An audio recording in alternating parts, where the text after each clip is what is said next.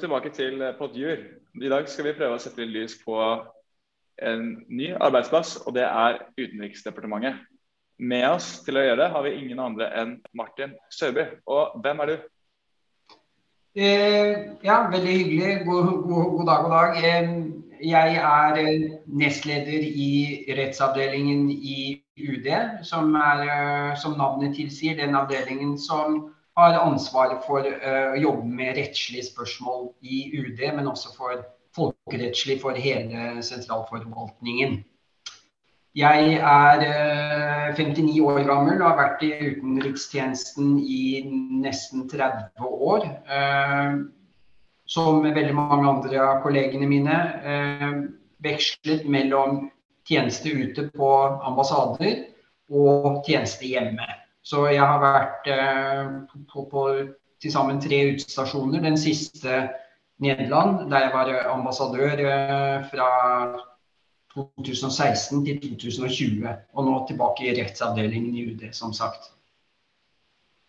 Veldig kult. Da, da har du bred og god erfaring til å fortelle oss litt om arbeidsplassen. Det er helt uh, klart. Og hvordan endte du i UD? Jeg da jeg studerte juss eh, på, på, slutten av 80-tallet, eh, så tok jeg folkerett spesialfag.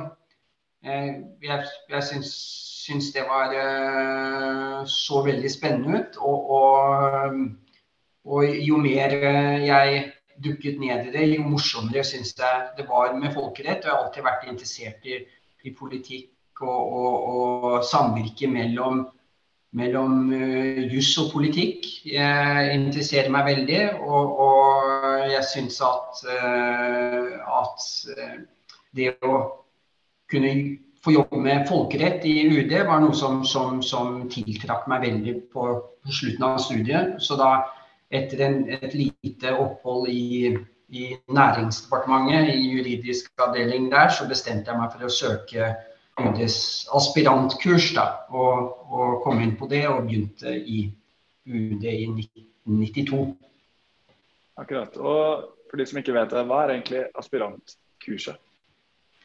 Aspirantkurset er en treårig utdannelse som eh, skal sette deg i stand til å utføre eh, de oppgavene som, som, vi gjør i utenrikstjenesten, eh, særlig da på utestasjoner. Den består, den gangen besto utdannelsen i eh, ett år praksis i jobb i UD, ett år teoretisk utdannelse i UD og det første året på utestasjon. Eh, og etter at man har gjennomført de tre årene, så blir man fast tilsatt i utenrikstjenesten hvis alt går bra. da.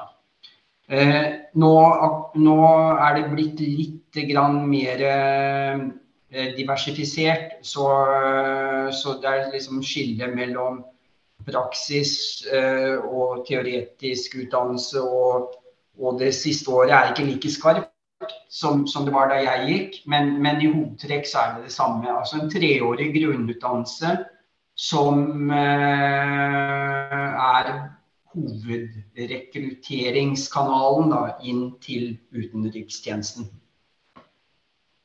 Akkurat.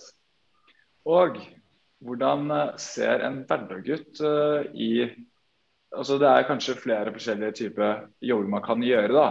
Men la oss si for en uh, juss for Du har vært i mange, mange forskjellige posisjoner.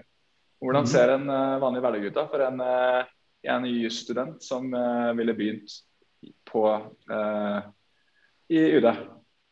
Ja, hvis du La meg si det sånn. Hvis du begynner i, her hos oss, da, i rettsavdelingen, så vil hverdagen bestå i en eller annen form for jobbe med folkerett i en eller annen form. Det kan være eh, havrettsspørsmål, det kan være traktatrettsspørsmål, det kan være internasjonal strafferett. Eh, det kan være spørsmål knyttet til eh, opptreden, regler som styrer opptreden i væpnet konflikt. Og det kan være spørsmål knyttet til Norges eh, tilknytning til Europa og, og europarettslige spørsmål. Det er et veldig bredt spekter, eh, og jeg tror at, at de aller fleste som jobber her, opplever at arbeidshverdagen er veldig det er faglig utfordrende. Du får uh, prøvd virkelig brynt deg på kunnskaper i folkerett og får utviklet mye ny kunnskap, ikke minst. Og det er veldig varierende. Det, er, det består i alt fra utredningsarbeidet her hjemme, deltakelse i internasjonale møter, internasjonale forhandlinger ute tilrettelegging av regjeringens posisjoner i ulike folkerettslige spørsmål. Så det er veldig veldig variert og veldig, veldig spennende. Det er et stort eh, faglig jusmiljøer. Vi er ca. 35 jurister som jobber eh, med folkerett daglig. og, og forsøker å, å, lære hverandre og bidra til at, at vi får et veldig godt og sterkt eh, folkerettslig fagmiljø. Da. Ja, nå, nå, fikk jeg nesten lyst til å begynne å jobbe der selv. Jeg. Vi har ja, hatt internasjonal jus. Jeg syns mye av det var veldig spennende. Så ja. det, det, høres, uh, det, høres, bra ut. Og for de som av lytterne som har hatt, uh, hatt jeg, I Bergen har vi det som heter NIRE, norske og internasjonale rettslige institusjoner. Og mm. Det er nok litt delte meninger om hva man syns om selve faget, men jeg tror veldig mange liker internasjonal juss og kunne, mm. kunne, tenkt seg det. Så uh, du, du, besvarte egentlig ganske godt uh, de spørsmålene jeg hadde om det faglige. Du sa det var en del faglige utfordringer. At du får virkelig brynt deg. og det hvis du er selvfølgelig en, en, person som liker faglige utfordringer, så det vil jo det være veldig, veldig positivt. Og, og, så lurer jeg på Uh, hva er det egentlig som skiller synes du, internasjonal juss fra vanlig norsk juss og gjør det så innmari spennende?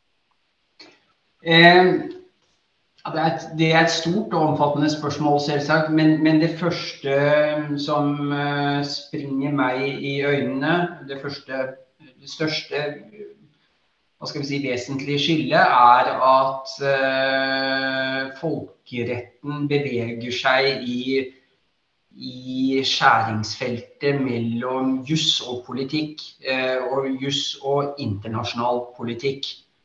Og det er en, en veldig spennende og utfordrende materie å, å jobbe i. Eh, og ikke minst også være med på å utvikle. For folkeretten er jo et rettssystem som utvikles av statene eh, som eh, deltar i, i, i eh, det internasjonale samfunn. Så Norge bidrar også tungt inn på mange av disse områdene. Vi, bare for å nevne et eksempel, altså på, på havretten så er Norge en stor og betydelig internasjonal aktør. Det er kanskje det området i internasjonal politikk i dag hvor vi hvor, hva skal vi si, vår kjøttvekt veier tyngst. Eh, og Dermed så er eh, Norge en viktig premissleverandør og bidrar til å utvikle dette spesielle folkerettsområdet. Og det er jo en kjempe, kjempespennende ting å være med på. Eh, det tror jeg alle som jobber med dette syns er, er utrolig både utfordrende, spennende og stimulerende. Og eh, ditto også på, på, på, en god del andre områder som, som vi jobber med, men, men jeg kanskje vil kanskje særlig fremheve akkurat det. da. Akkurat. Så utrolig kult å kunne ikke bare påvirke rettstilstanden her i Norge, men uh, i hele, hele verden. Mm. Som jo er ganske stor. Hvor vel 7, et eller annet milliarder. Det det er jo litt kult, syns jeg. Er det noen andre områder da man, uh, Norge er ekstra opptatt av og har ekstra vekt i sin uh, stemme? Ja, altså vi er en Jeg tror vi må kunne anse oss selv som en betydelig humanitær aktør. I kraft av selvsagt, for, selvsagt, i kraft av at vi, er, vi gir veldig, veldig mye penger. vi gir veldig mye midler til humanitær bistand rundt omkring i verden, men også i kraft av at vi, vi fører en konsistent og forutsigbar politikk som innebærer at vi har vært vi har vært en betydelig bidragsyter og betydelig yter av bistand gjennom mange, mange tiår. Og det gjør at vi er en stemme å regne med i, i ulike sammenhenger der humanitær bistand og bistand generelt da diskuteres. Så, så det er ett et område som, som, det faller naturlig å fremheve. Et annet område som har kommet opp kanskje, du, kanskje de siste 15-20 åra, som er blitt veldig eh, stort og veldig viktig for Norge, er dette som, som, vi, som går under liksom, samlebetegningen fred og forsoning.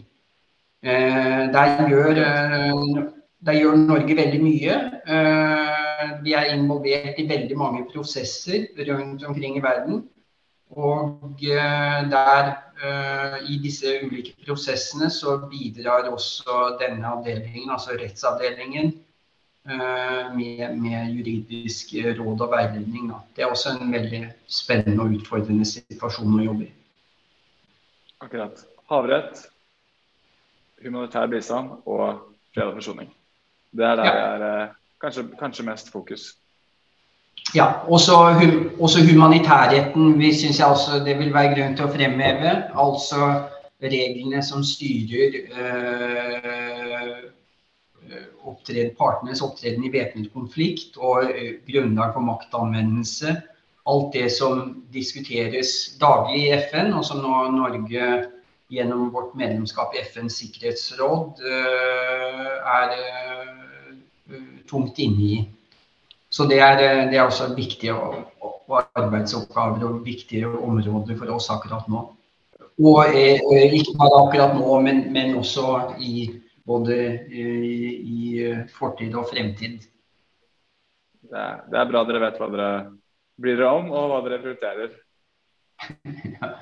ja, hvilke saker vil du si Altså, det er mange, selvfølgelig mange, en del fagfelt sånn, og noen, noen prioriterer ekstra mye og vet dere har ekstra vekt eh, i. Hvilke saker Du kan jo kanskje ikke snakke på alles vegne, men eh, hvilke saker syns du er det mest for for, for, ikke å bruke et eh, ikke, I mangel på et bedre ord, er de mest juicy eh, sakene? De som er mest eh, sånn Oh, den saken her, den Da kommer det litt sånn adrenalin, og det begynner å bli litt sånn ekstra spennende. Ja eh, vi, vi, står jo i en situasjon i dag eh, der eh,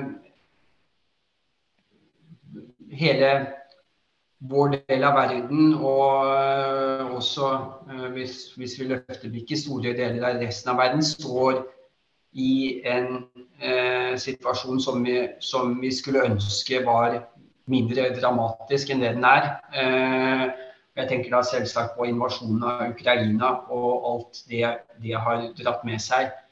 Så jeg tror det er vanskelig å snakke liksom, å svare på ditt spørsmål uten å, uten å besøke den situasjonen. Eh, den, den uh, har stilt hele vårt system overfor uh, massive utfordringer Eh, i alt knyttet til eh, ja, fra vårt eget ståsted. Folkeretten, eh, om folkerettens regler om maktbruk. Folkerettens regler om parters opptreden i væpnet konflikt. Internasjonal strafferett om rammer for etterforskning og straffeforfølgning av krigsforbrytelser f.eks.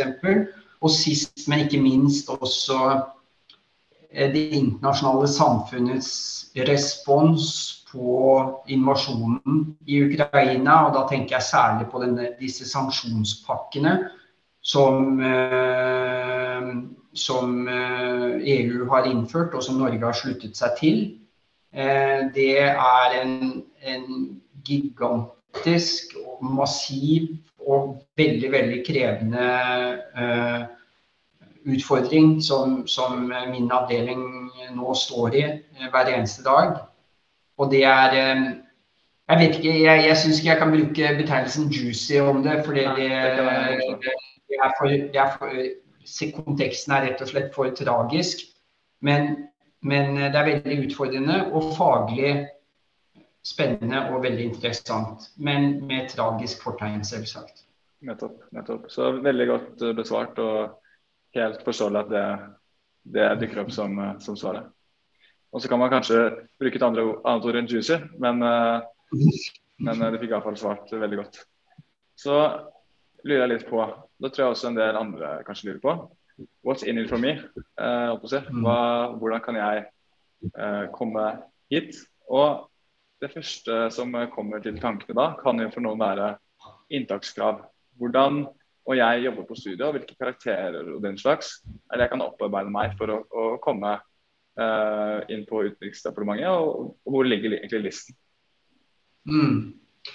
Vi, vel, for det første så har vi Jeg nevnte jo aspirantkurset uh, innledningsvis. Uh, det er jo Aspirantkurset er hovedrekrutteringskanalen inn til utenrikstjenesten som sådan. Eh, og der eh, stilles det krav om mastergradsutdanning, eller på masternivå. Eh, språkkompetanse er ønsket, ikke et krav, men i praksis så er det eh, en, en terskel som, som, må over. Eh, altså at man må ha minst ett fremmedspråk i tillegg til engelsk. og ofte så har folk flere enn det. Det stilles nok ikke noe krav om eh, eksamensresultater som sådan til aspirantkurset, men, men det er skarp konkurranse der. Og, og, jeg vet at karakterer er også blant de tingene som man tar hensyn til. Så er det den andre rekrutteringskanalen som, som jeg tenker er særlig viktig å få fram overfor jusstudenter, og det er at det er vår egen, altså rettsavdelingens egen eksterne rekruttering. Fordi vi får ikke nok eh, kandidater til å dekke våre behov eh, gjennom aspirantkurset. Dermed så vil vi med ujevne mellomrom eh, ha annonser ute der vi rekrutterer Eh, jurister ikke som, Det er ikke så vanlig at vi tar de rett fra universitetet, men, men ofte med, med, noe arbeidserfaring. Men altså utenom aspirantkurset, at det rekrutteres inn som folkerettseksperter. Og da vil eh, vi, vi, vi, eh, vi vi får veldig godt med søkere til disse eh, utlysningene. Vi, vi, vi får mange søkere, og vi vil nok eh, kreve gode karakterer på eh, eksamen for at du skal komme i betraktning.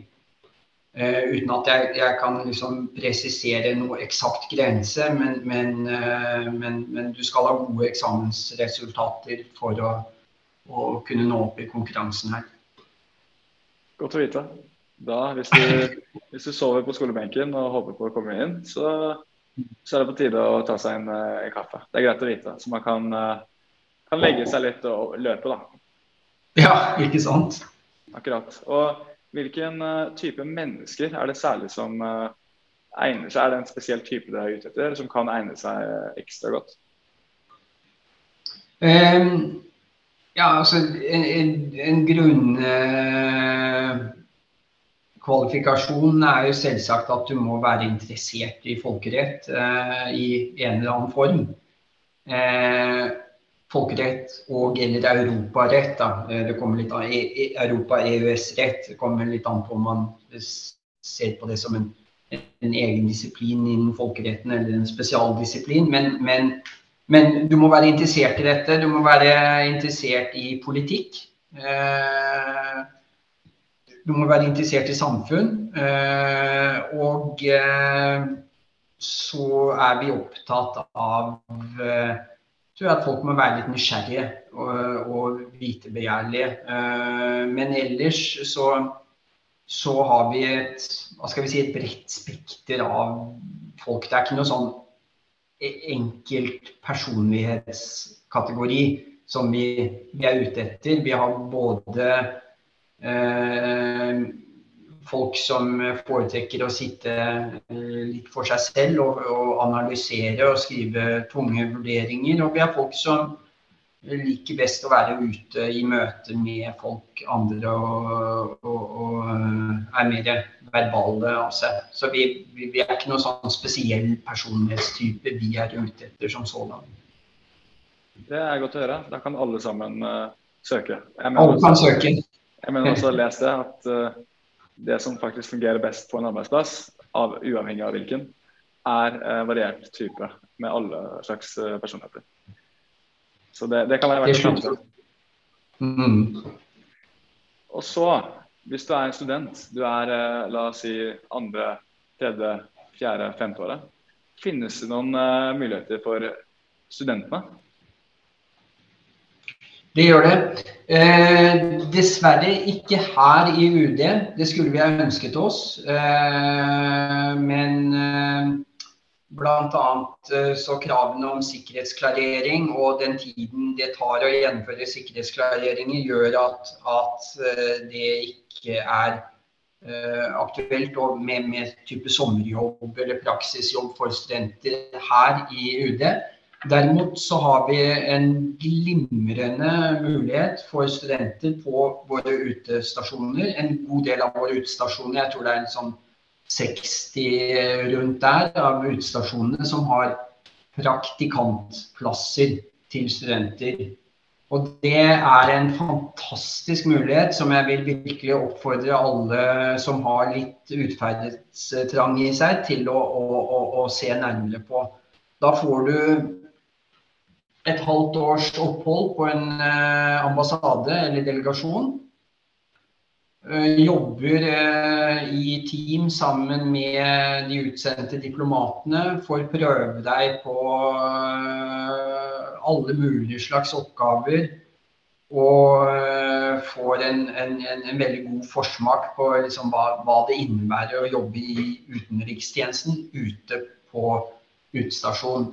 Og det er også, man, man får et stipend hvis, hvis, du blir plukket ut i disse stillingene. som som gjør at du eh, det er tilpasset kostnadsnivå på stedet, men, men eh, du klarer deg greit. Ikke noe, ingen god lønn, men du har, får nok til å dekke boutgifter og opphold og mat osv. Eh, og så særlig, kanskje særlig interessant for jusstudenter er at enkelte av disse praksisplassene som vi har, er øremerket for jusstudenter. Så Det betyr at uh, jusstudentene havner i en egen bunke og konkurrerer med de andre jusstudentene om disse stillingene. Det er bl.a. der jeg selv var ambassadør, i Haag. Da har, da har, vi to praktikanter som er et halvt år uh, hver. De er der samtidig. En av dem alltid en jusstudent. Og den jusstudenten jobber da opp mot de internasjonale domstolene i Haag og eh, Organisasjonen for forbud mot kjemiske våpen, OPCW. Vi har Ditto så har vi også jusstudenter, eh, dedikerte jusstudentstillinger i New York, på FN-delegasjonen der. Vi har på FN-delegasjonen i Genéve og på Europarådsdelegasjonen i Strasbourg. Så det er liksom noe jeg virkelig vil reklamere med. Det er en fantastisk spennende erfaring. Bare å legge igjen uh, søknaden i den søknadsbunken. Altså øremerket, øremerket uh, for oss. Helt perfekt. Ja. Avslutningsvis så har vi en liten spalte som heter Fem raske. Og Da trenger ja. ikke gå superraskt, men det er iallfall fem spørsmål som, uh, som, er litt lette å lede, da. Aller helst. Det første er antall kaffekopper om dagen. Regner du med da hjemmefra eller på kontoret? Du kan uh, velge. På kontoret? eh, på kontoret en tre-fire. Drømmejobben? Drømmejobben er den jeg har akkurat nå, faktisk.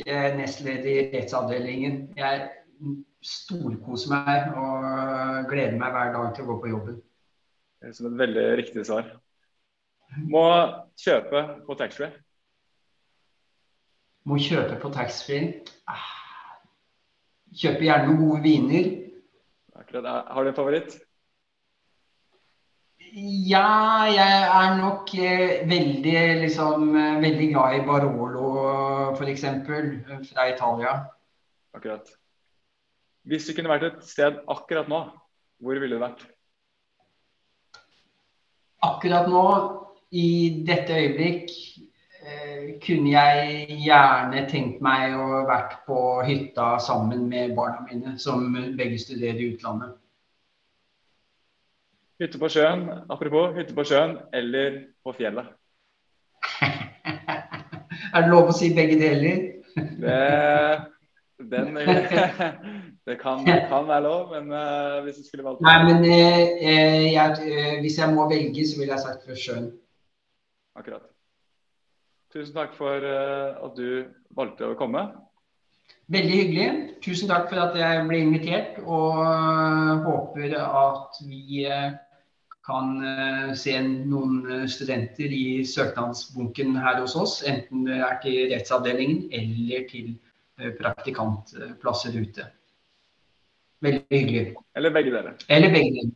Eller begge deler. Vi sier begge deler.